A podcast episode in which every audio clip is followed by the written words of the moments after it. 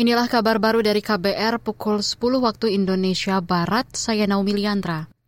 Partai Amanat Nasional mengusung Ketua Umum Persatuan Sepak Bola Indonesia PSSI Erick Thohir sebagai bakal calon wakil presiden pemilihan umum 2024. Wakil Ketua Umum PAN, Yandri Susanto beralasan elektabilitas Erik meningkat berdasarkan survei indikator politik Indonesia. Dari 22 nama bakal cawapres, Menteri BUMN itu memperoleh dukungan hampir 15 persen. Jadi tinggal nanti kami memutuskan apakah dengan uh, Ganjar atau dengan Prabowo. Persoalannya memang uh, kami yang kami sodorkan ya Erick Thohir kalau untuk cawapresnya. Jadi nanti uh, dalam hari-hari ke depan uh, disepakati kemarin seperti di PDIP akan ada pertemuan lanjutan membahas tentang tindak lanjut apa saja yang mesti dipakemkan, apa saja yang mesti diambil keputusan dua, dua pihak, itu tentu akan kami konkretkan ke depan. Wakil Ketua Umum PAN, Yandri Susanto meminta Ganjar maupun Prabowo mempertimbangkan elektabilitas Erick Thohir. Ia menegaskan hanya akan mendukung calon presiden yang mau berpasangan dengan Erick Thohir. Meski begitu, di kalangan internal PAN masih ada suara dukungan terhadap pasangan Erlangga Hartarto dan Ketua Umum PAN Zulkifli Hasan.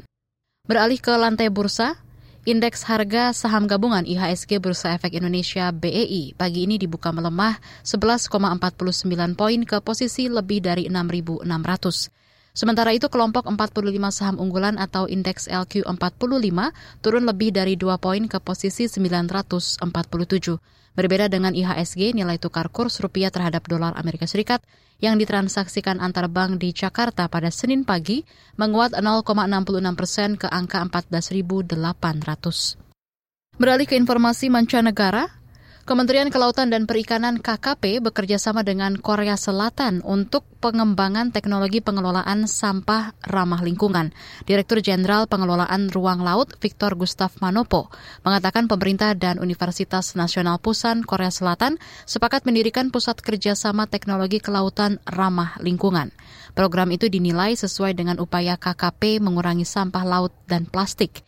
Ia mengatakan kedua negara juga sepakat mengembangkan teknologi sektor kelautan. Kesepakatan tersebut diharapkan dapat menciptakan lautan yang lebih sehat melalui pemanfaatan teknologi pengurangan sampah laut dan plastik sehingga berkontribusi pada konservasi lingkungan laut.